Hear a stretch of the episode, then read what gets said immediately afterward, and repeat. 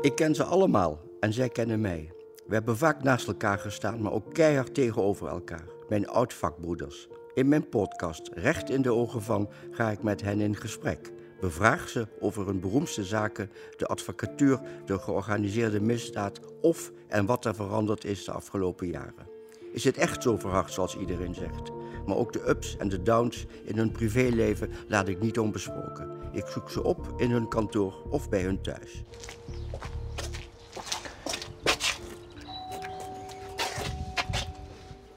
Kijk Mark. eens. Hoog bezoek. Hoog bezoek.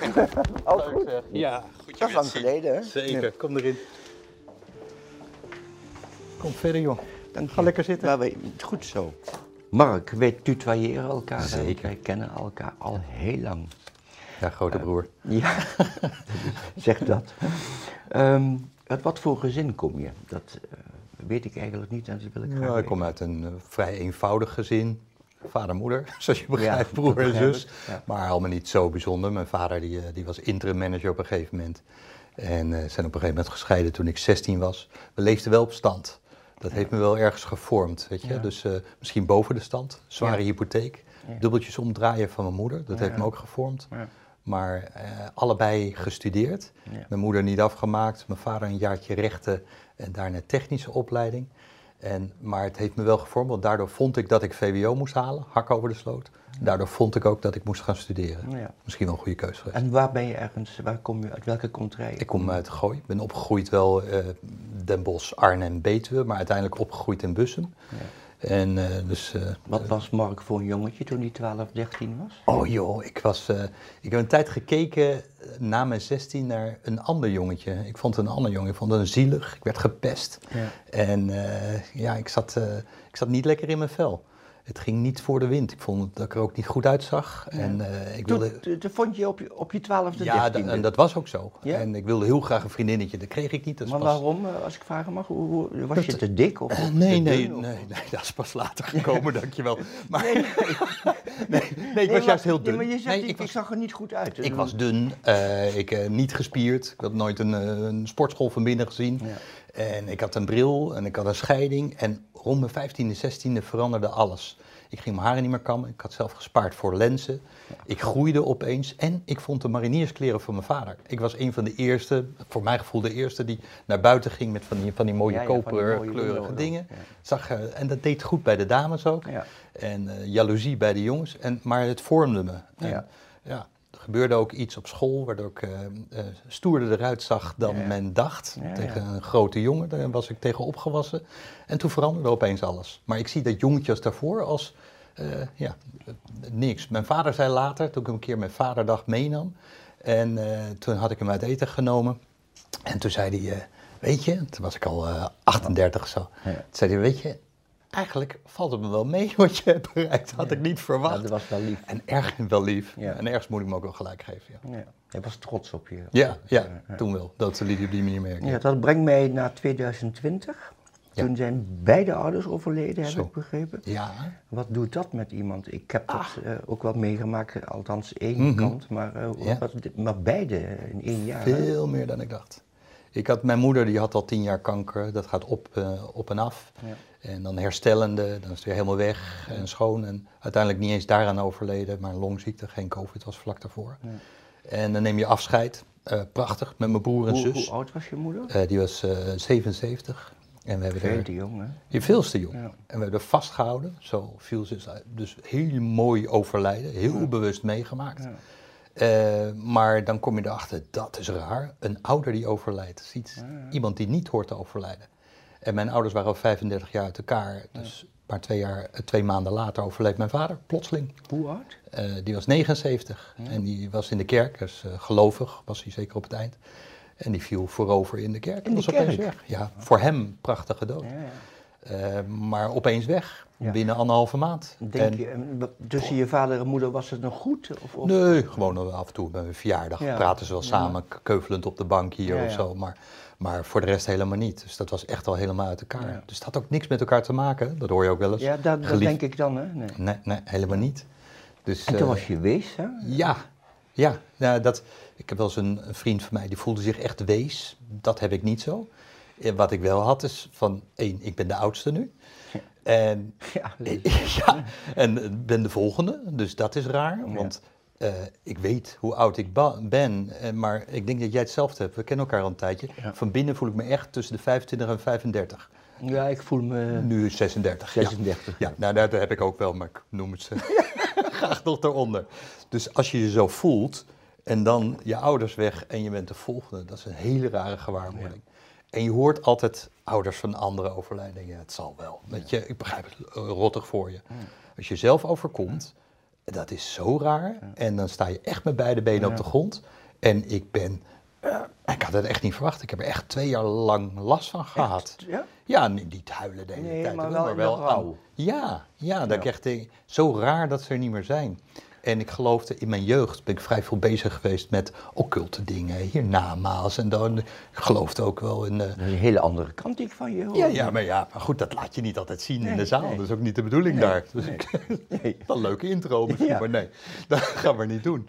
Maar ik ben er wel mee bezig geweest. Alleen na hun overlijden heb ik niks meer gevoeld. Weet je wat veel mensen voelen? Ik voel aanwezigheid, helemaal niks. En dat heeft me ook met beide benen op de grond gezet. Van, ah, verdorie, het is nu hè. Nu moet je leven, nu moet je genieten. Want zometeen, ik weet niet of er echt wat is. Ik hoop het, maar ik voel hem niet. Heel goed. Ja. Althans, ik begrijp wat je zegt. Ehm, ik las bij de voorbereiding, las ik ook wat ik eigenlijk niet wist van je, dat jij eigenlijk eh ja, 50% ondernemer bent. eh, Ja. Naast de advocatuur. Ja. Hoe is dat zo gekomen? Nou, eh, weet je, ehm, ik ben gaan studeren en rechten en dan word je op een gegeven moment, eh, verwachten mensen dat je advocaat wordt.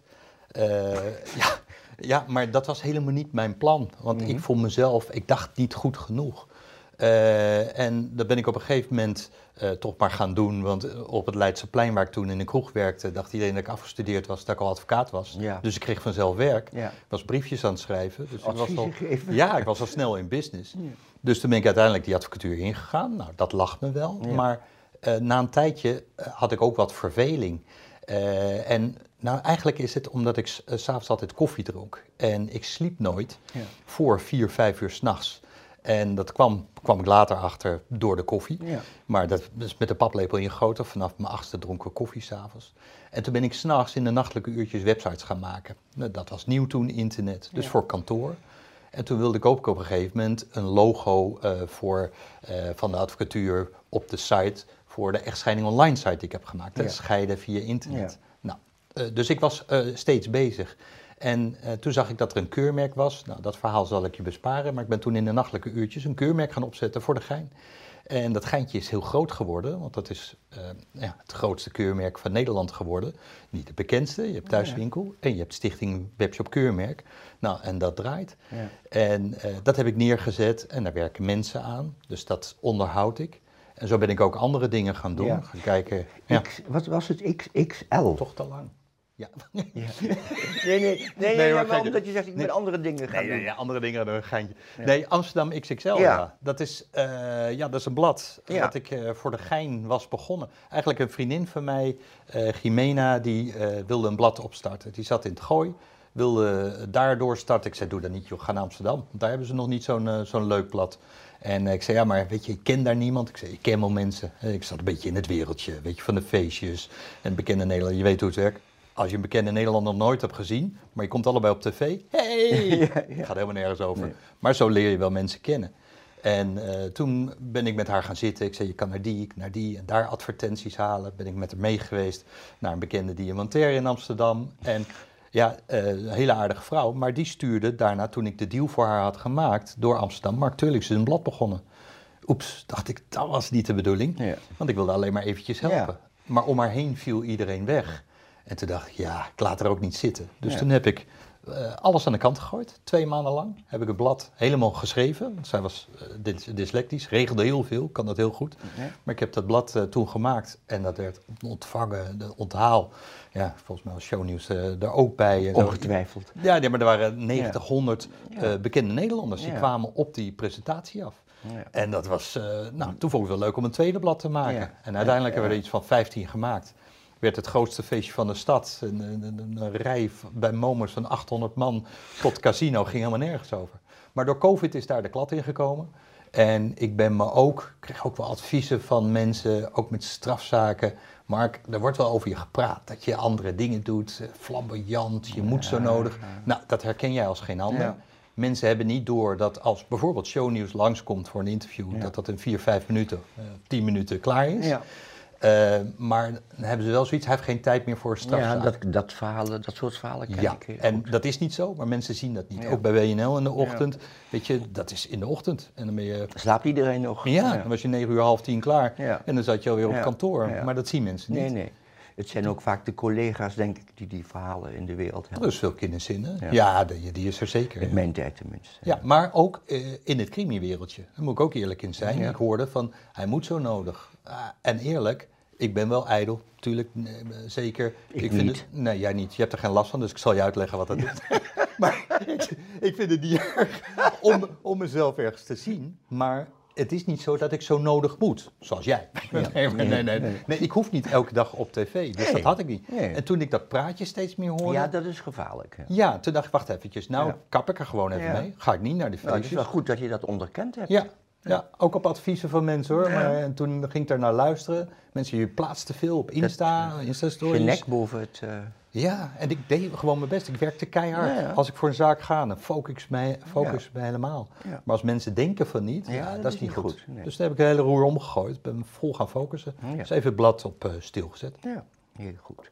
Ehm, bijna 30 jaar in het vak, 28. Ja joh, Je wordt een oude man, jongen. Ja, man. Eh, Wordt. Net als ik. duurt nog even. hè? Ja, duurt nog even. Nee, zeker. Ehm, hoe is de stand van zaken in de, in, in de strafadvocatuur? In, in het algemeen. Ik krijg het wel mee natuurlijk via Ja. de kranten. En, eh, is Weet er verharding? Is, er, is het veranderd? Ja, weet je dat je, wij kwamen elkaar anderhalf jaar te geleden tegen, Ja. ook op straat, wel vaker, maar Ja. toen stond je naast me met de auto. Ja. En het is niet meer zo leuk, hè? Eh, weet je? En toen erkende ik dat. Het is niet meer zo leuk, eh, omdat het wat verhardde. Eh, en eh, de officieren van justitie zijn harder geworden. Het is, het is een hard gevecht. En ook tussen advocaten onderling. Er is heel veel kennis in. Ja, dat, Ook met vriendschappen. Dus dat, dat, verbaast me over.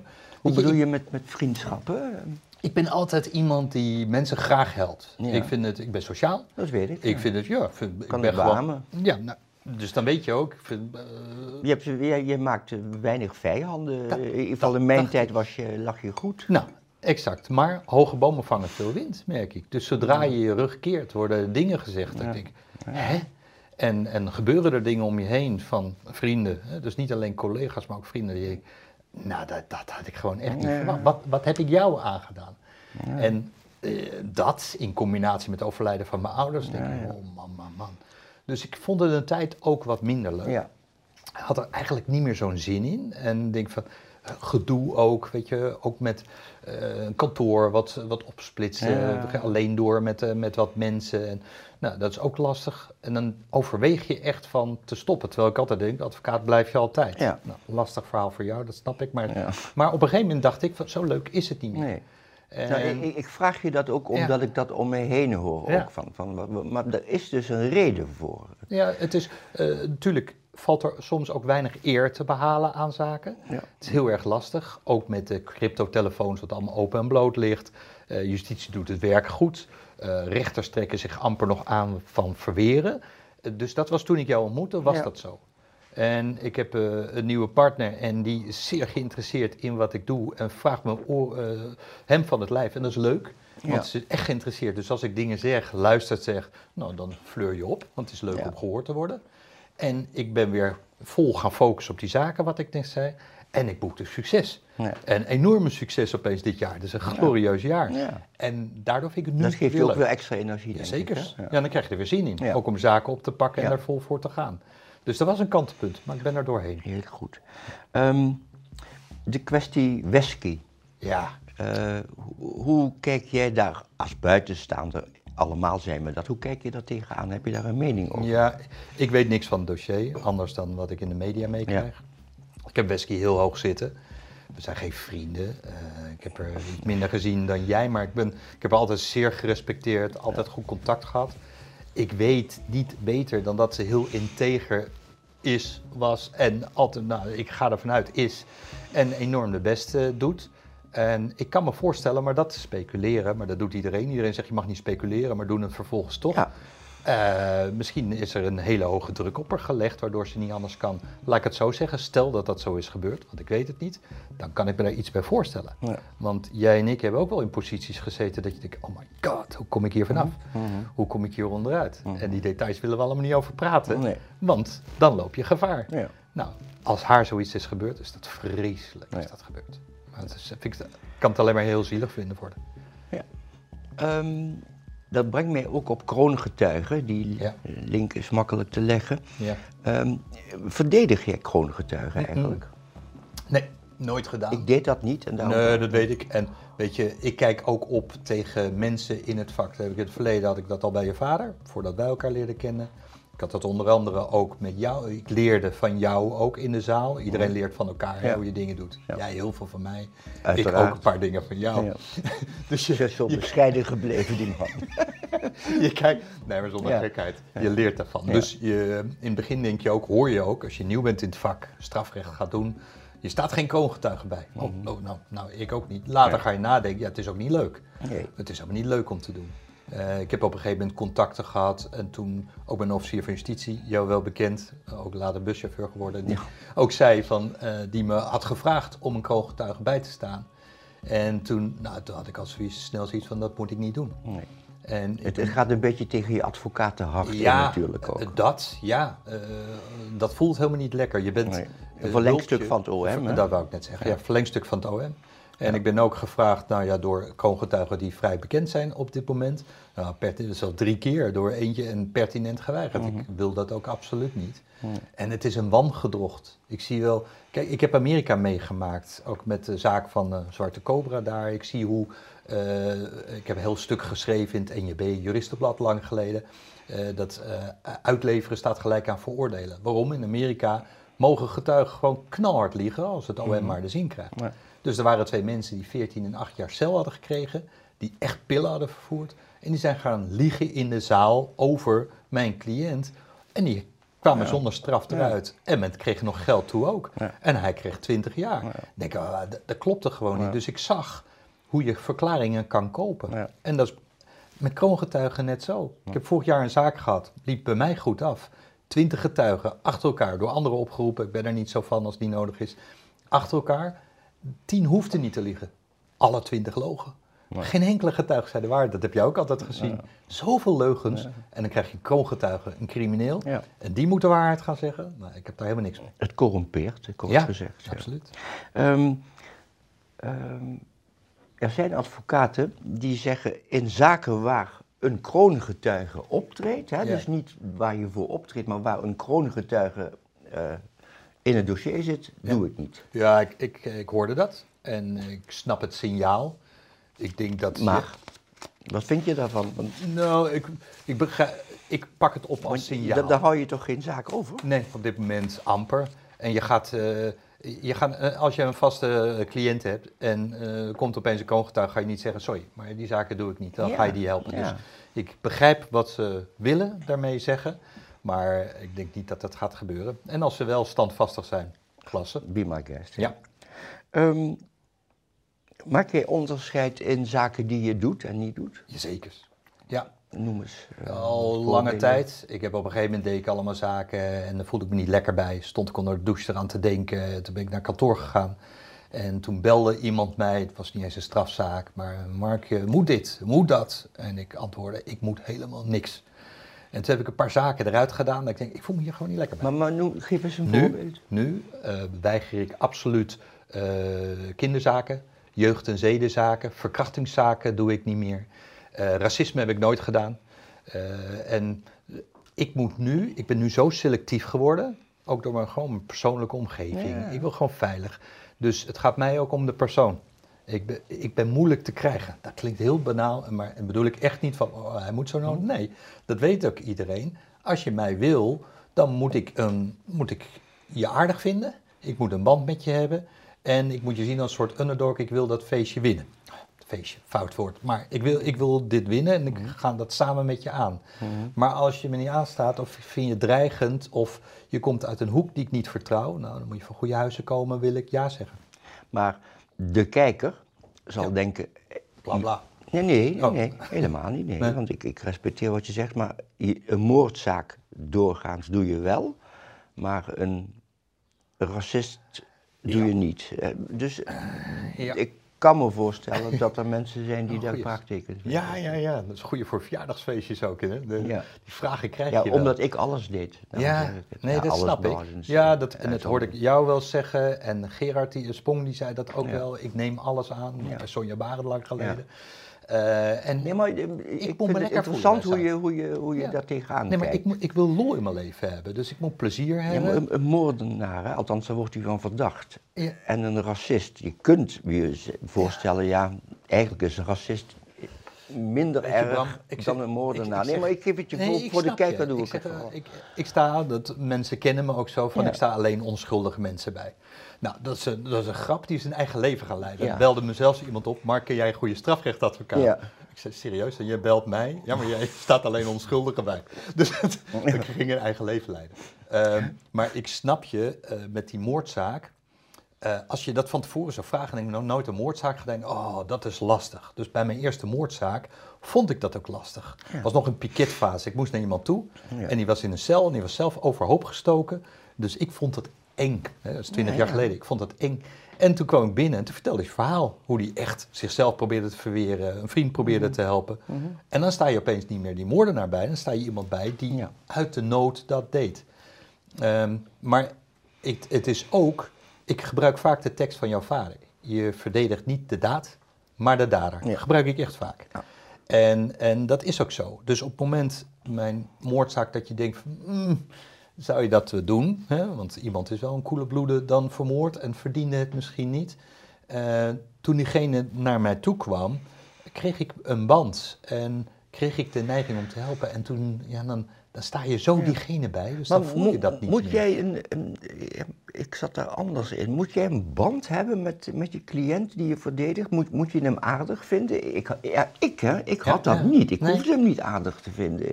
Ik zag het als een, ja, als mijn Ik hoef, werk. ik, hoef niet, ja, nee, ik, ik hoef niet heel aardig te vinden, maar ik moet wel door één door deur kunnen. Ik moet, ik moet iemand graag willen. Ik kan ook iemand helpen die ik niet zo moet. Maar ja, ik vind dat inmiddels wel belangrijk. nee, ik- ik luister, want... eh, wat het ook is, weet je, eh, omdat je een nodige meemaakt. Ik heb mensen bijgestaan dat ik denk, zo, jij bent echt niet gezellig. En ik sta jou bij. En dan voel je dat en dan eh, wordt die niet-gezelligheid ook naar zijn omgeving en misschien zelfs naar mij. En dat ik het niet fijn vond. Nee, ik ben echt gaan kiezen Maar kan- kan voor je- uit de pap. Ja. En dat betekent, ik wil iemand bijstaan die ik ja, mag. dus je staat er anders in dan tien jaar geleden eigenlijk. ja, ja, ja. Dat is eigenlijk het verhaal. Ja, dat wel. Ja, ja het is wel gegroeid door de jaren. Ik ben heel selectief geworden door wat ik heb meegemaakt. Ja. Ja. Is er één zaak die is bijgebleven? Eh, er zijn er wel meerdere die Ja, bij zijn gebleven. Eentje die je eruit haalt. ja, van- van die die actueel is, is de, van de, de Zwarte Cobra natuurlijk, Henk, Romy. Die, eh, eh, daar heb ik twintig jaar aan gewerkt. Die werd verdacht van een moord, dubbele moord in 1993 in Antwerpen. Serieuze zaak natuurlijk. Maar die werd in de passagezaak, waar heel veel mensen zijn vervolgd voor liquidaties en levenslang hebben gekregen, werd hij door het Hof en de rechtbank al genoemd als opdrachtgever. Dus toen hij werd vervolgd, zei je, ja, hij is al genoemd als opdrachtgever. En daar heb ik zo hard aan gewerkt. En dat werd, een paar maanden geleden, werd dat een vrijspraak. Nou, dat is een zaak natuurlijk, dat is een van de zaken van mijn leven. Ja. En ik heb een andere in België gehad, waar ook een moordzaak, waar veel uitzendingen met Peter R. de Vries, zeven uitzendingen. En eh, dat werd een assisezaak met een jury, die is hem ook enorm bijgebleven. I know. Ja, nou, Ja. De, de medeverdachte kreeg 22 jaar en hij werd vrijgesproken. Dat was ook een, een, een, een- ja, een, Dan kom je thuis en dan... eh, zo. De, de, de Nee, eerste nee. die me belde was Peter R. Die, die hem wel wilde zien hangen. Ja. Ik zei, ik weet niet hoe je het hebt gedaan, maar gefeliciteerd. Ja. Dat is een mooie herinnering. Heel mooi. Ehm, heb jij nog wat op je bucketlijst staan? Hey, die is lastig. Ja. die Gewoon, eh, dat hoeft niet eh, Nee. zakelijk te zijn. Nee, hè? nee, dat is echt, eh, dat is echt banaal. Eh, gelukkig zijn en gewoon zoveel mogelijk leuke dingen doen. Want ik heb mijn bucketlist, die heb ik eh, geleefd al. En vrij snel. En heel veel mensen dachten, jemig, die, die laten hem rollen. Goede vakanties, lekkere auto, mooie kleren en genieten en feesten. En nu heb ik geen, ik heb geen bucketlist. Ik hoef niet groter, groter, groter. Ik Nee. ben eh, groot gaan wonen, maar het is niet meer nodig. Eh, Ik kan genieten van de kleine dingen. Weet je, dus en ook de kleinere vakanties of tripjes of nou, de boswandeling. Dat wil zij dan, maar dat valt nog wel mee bij mij. Zij is je partner. Ja, ja, ja, Ja. Dat, dat vindt zij. maar maar eh, ja, nee, echt de kleine dingen van het leven, daar kan ik nu Ja, ja. het meest van genieten. Niet echt bucketlist Het heeft ook iets met je instelling te maken natuurlijk, Ja. hè? dat je zo bent nu. Ja, ja ja, het, het is allemaal niet zo belangrijk meer. Dat is eigenlijk, denk ik dan, als ik de psychologen van de koude grond uithang, dat je je ouders niet meer hebt, dat je ziet wat belangrijk is, denk ik. ja. En dat je dan tevreden bent met het mindere. Nou, dat is het. Wat ik je zei, weet je wel. Ik, eh, ehm, je bouwt naar iets toe, dat is een bucketlist. Het huis eh, was een bucketlist. Hè. Dat wilde ik op mijn tiende. Later, als ik groot ben, wil ik het zo en zo en zo. Mooie auto's. Eén keer een Ferrari, die is al weg, maar eh, mooie auto's. Nee, je weet zo. Ik wil er niet kwijt. Als het niet hoeft, hoef ik er niet kwijt. Nee. Maar kan ook prima zonder. Zonder. Ik voel me niet veel minder. Nee. Ik geniet, ik werk keihard, zorg ervoor dat er genoeg binnenkomt. Nou, daar moet je ook voor blijven werken. Het gaat niet vanzelf. En, eh, maar het is niet meer belangrijk. En dat hangt samen met mijn ouders, maar ook met vriendschappen, hoe mensen Leeftijd, praten. Leeftijd, ja, is het nou zo belangrijk? Ik kwam, wilde veel op tv, wilde naar de feestjes en gezien worden. heb ik helemaal niet meer. Nee. Helemaal weg. Heel mooi. Ehm, Behalve dit dan. uiteraard, dat heeft met onze relatie te maken. Ehm, Voor jou doen. wie heeft jou geïnspireerd in het vak?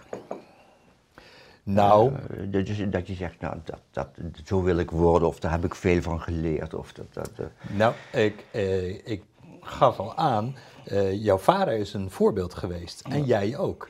Eh, want je bent net één, twee jaar ouder, misschien net iets meer. Maar nee, laat ik het zo zeggen. De eerste zaak die ik ging kijken, was bij het Hof Amsterdam. En heel apart stond je, stonden jij en Nico Meijering in de zaal. En ik ben een paar... een fijne paar combinatie. het was een heel, ja, en dat was vuur en vlam. Dat is ook een van de weinige zaken dat ik denk, hè, advocaten zitten tegen elkaar te bekvechten. Dat moet toch niet in een strafzaak, maar dat laat ik maar even liggen. Het was, eh, Het zal zijn reden zijn. was apart. En dat gebeurde toen. Eh, maar ik had wel zoiets, ik wil al zijn waar jullie zijn. Dus waar je vader was, waar jij was, waar Spong en, eh, en, en een paar anderen. En ik wil dat ook graag. Dus het liefst kopieerde ik jouw brein, of de, en dat je het al wist. Maar dat heeft gewoon tijd nodig. Ja. Dus ik heb nooit tegen iemand opgekeken. Nee. Dat heb ik nooit gehad. Dat is de ook vraag niet- ook niet. Het is meer, Nee. meer, meer de inspiratie. Exact, ik wilde niet een ander voorbeeld, zijn, ik wilde nee. mezelf zijn. Jij weet nog wel dat wij eh, vroeger ook mijn haar wat korter, werden we wel eens vergeleken. En omdat ik wat jonger was, een jaartje, dacht iedereen van hij probeert Bram na te doen. Nou, echt totaal niet. Maar nooit de insteek geweest. Nee, ik hou ook van mooie kleren, hou van een mooie auto. Dat was het niet. Dus toen ben ik mijn haar wat gaan groeien. Maar ik had wel zoiets, oh, wel mooi hoe je het doet. Hoe jij getuigen kan verhoren, fileren. Nou, dat kan jij nog steeds veel beter dan ik. Hoe jij wraakte en dat soort dingen. En ik heb daar wel van geleerd. Ja. Maar je moet vlieguren maken. Ja. Ik weet dat ik in een zaak in, eh, in Den Bosch op een gegeven moment, dat was de, de Easy Life zaak. En toen moest ik ook echt aan jou denken, want je moet dat verdienen, die sporen bij de rechters. Dat klopt. Want in het begin, als jij als jongetje binnenkomt en je zegt wat, pff, echt, ga- ga- schiet nou maar op. Komt er weer een. Ja, nog een pagina pleidooi. Ja. En toen was het bij die Easy Life zaak. Ik vond het onderzoek niet goed. En, zei, en iedereen was bezig. Het was niet mijn beurt. Ja. En je weet, dan hou je je mond. Ja. En terwijl iedereen bezig was, ik geloof Marcel van Gessel of een officier. En op een gegeven moment stond ik op. De hele zaal vol. En niet, het was geen clownesk gedoe. Het was oprecht. Wacht even, wacht even, zei ik. Waar zijn we nou helemaal mee bezig? Dit moeten we toch uitzoeken? Nou, ik zou het niet helemaal nadoen. Ja, ja. Maar het werkte. Want ze zaten allemaal zo te luisteren. Niemand die zei, hey, ga eens even zitten, ik kom zo aan de beurt. Nee. Maar dat was door de vlieguren. En dat- ik hoorde dat later ook via via van iemand die niet uit de school mag klappen. Die zei, dat moment, toen had ik zoiets, wauw, Ja. lul, de- sorry. eh, Ja, niet fijn dat hij dat deed, Ja. want die zaak duurt een jaar langer. Ja. Maar hij heeft gelijk Ja. en we gaan dat onderzoeken. Dat was het jongetje van 12 dat het eh, in één keer eh, het licht heeft gezien. Ik denk het. Hij stond op. Dankjewel jongen. Dankjewel Bram. Wie zou jij willen horen in mijn podcast Recht in de Ogen van? Laat het mij weten op crime.telpanetwork.com. Voor nu bedankt voor het luisteren. Tot de volgende keer.